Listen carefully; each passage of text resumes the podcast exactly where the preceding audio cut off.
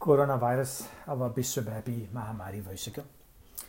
अब यसलाई कसरी रोकथाम गर्ने यसको कसरी उपचार गर्ने भनेर संसारभरिका चिकित्सक र वैज्ञानिकहरू लागि परिरहेका छन्।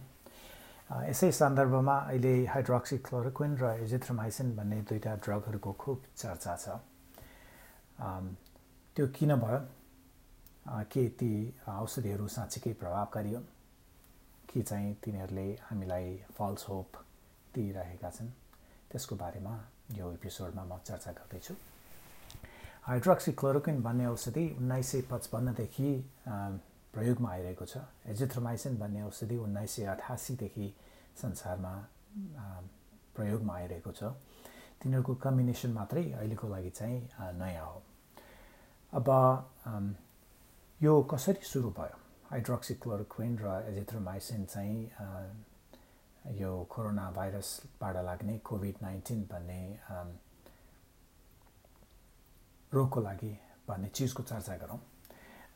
Two thousand two two thousand थ्रीतिर चाहिँ सार्स भन्ने एउटा रोग सुरु भयो। त्यो पनि कोरोना भाइरसकै एउटा प्रकारले लाग्ने रोग हो।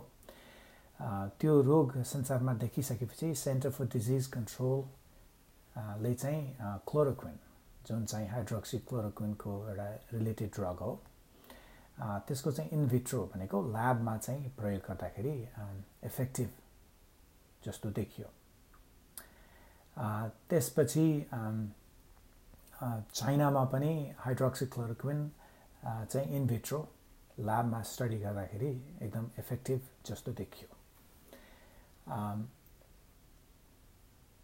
चाइनामा चाहिँ वुहान भन्ने ठाउँबाट जहाँबाट चाहिँ यो कोभिड नाइन्टिनको चाहिँ सुरुवात भयो यो पल्ट। त्यहाँ चाहिँ के अब्जर्भेसन गरियो भने लुपस भन्ने रोग लागेका बिरामीहरू जो चाहिँ वर्षौँदेखि हाइड्रोक्सी क्लोरोक्विन खाइरहेका छन् तिनीहरूमा यो रोग देखिएन। सुरुवातमा एउटा अस्पतालमा चाहिँ एक सय अठहत्तरजना बिरामीहरू जो चाहिँ कोभिड नाइन्टिन पोजिटिभ थिए कसैलाई पनि लुपस थिएन र कोही पनि हाइड्रोक्सी क्लोरोक्विनमा चाहिँ थिएन त्यसले गर्दाखेरि ओहो हाइड्रोक्सी क्लोरोक्विनले गर्दाखेरि चाहिँ यो रोग नलागेको हो कि अथवा हाइड्रोक्सी क्लोरोक्विनले उनीहरूलाई बचाएको हो कि भन्ने पर्न गयो। त्यही वुहान हस्पिटलको चाहिँ डर्माटोलोजी डिपार्टमेन्ट छाला डिपार्टमेन्टमा चाहिँ असीजना लुपसका बिरामीहरू थिए। कसैलाई पनि चाहिँ यो कोभिड नाइन्टिन लागेन। त्यसपछि डक्टरको हाइपोथेसिस के भयो भने यो हाइड्रोक्सी क्लोरोक्विनले गर्दाखेरि चाहिँ यो नभएको होला। उनीहरूले के अब्जर्भेसन गरे भने त्यो हाइड्रोक्सी क्लोरोक्विन चाहिँ बिरामीलाई दियो भने उनीहरूको चाहिँ लक्षणहरू सिम्टम्सहरू चाहिँ एक दुई दिनमै सुधार हुने। तिनीहरूले उन्नाइसवटा चाहिँ बिरामीहरूको सिटी स्क्यान चाहिँ अब्जर्भेसन गर्दाखेरि पाँच दिनमा सिटी स्क्यानको चाहिँ पिक्चरमा पनि एकदम असाधारण सुधार देखियो। त्यसपछि अरू थप स्टडीहरू पनि भए। अहिले चाहिँ एउटा ओपन लेभल ट्रायल भन्छ त्यसलाई। त्यो चाहिँ ऱ्यान्डमाइज कन्ट्रोल ट्रायल होइन। यसलाई ऱ्यान्डमाइज कन्ट्रोल ट्रायल चाहिँ मेडिसिनको गोल्ड स्ट्यान्डर्ड हो। फ्रान्सको मार्सेई भन्ने ठाउँमा चाहिँ स्टडी गर्दाखेरि प्रभावकारी हो कि भने जस्तो। त्यहाँ पनि देखियो। यसले गर्दाखेरि यसप्रतिको आशा चाहिँ डेफिनेटली बढेको हो। अब अहिले चाहिँ यही दुईवटा औषधिको कम्बिनेसनलाई लिएर न्युयोर्क राज्यमा चाहिँ ठुलो ऱ्यान्डमाइज कन्ट्रोल क्लिनिकल ट्रायल चलिरहेको छ। यो चाहिँ सायद सबभन्दा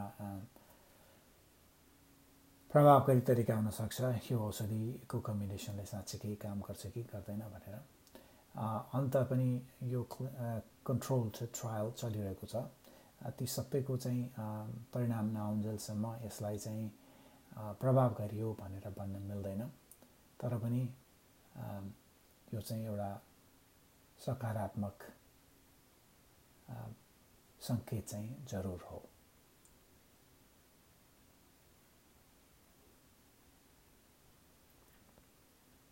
अहिले यो हाइड्रोक्सी क्लोरोक्विन र एजिथ्रोमाइसिनको प्रयोग तपाईँले बिरामीहरूमा गर्नुभयो भने यो डेफिनेटली अफ लेभल युज हो। तर अफ लेभल युज हामी मेडिसिन प्र्याक्टिस गर्ने मान्छेहरूले धेरैपल्ट गर्छौँ। त्यसको मतलब यो युजै गर्न नमिल्ने भन्ने पनि होइन। दुईजना सरी दुईवटा ड्रग्सहरू हाइड्रोक्सिक्लोरोक्विन र एजिथ्रोमाइसिनको चाहिँ खासै इन्टरेक्सन पनि हुँदैन। तर पनि अब एरिथमियाजहरू आँखाको समस्याहरू हाइड्रोक्सिक्लोरोक्विनमा हुनसक्छ। त्यसले गर्दाखेरि त्यसको जाँच चाहिँ गरिराख्नुपर्छ। कहिलेकाहीँ मानसिक साइड इफेक्टहरू पनि हुनसक्छ। त्यसको पनि अब्जर्भेसन गरिराख्नुपर्छ। तर बेसिकली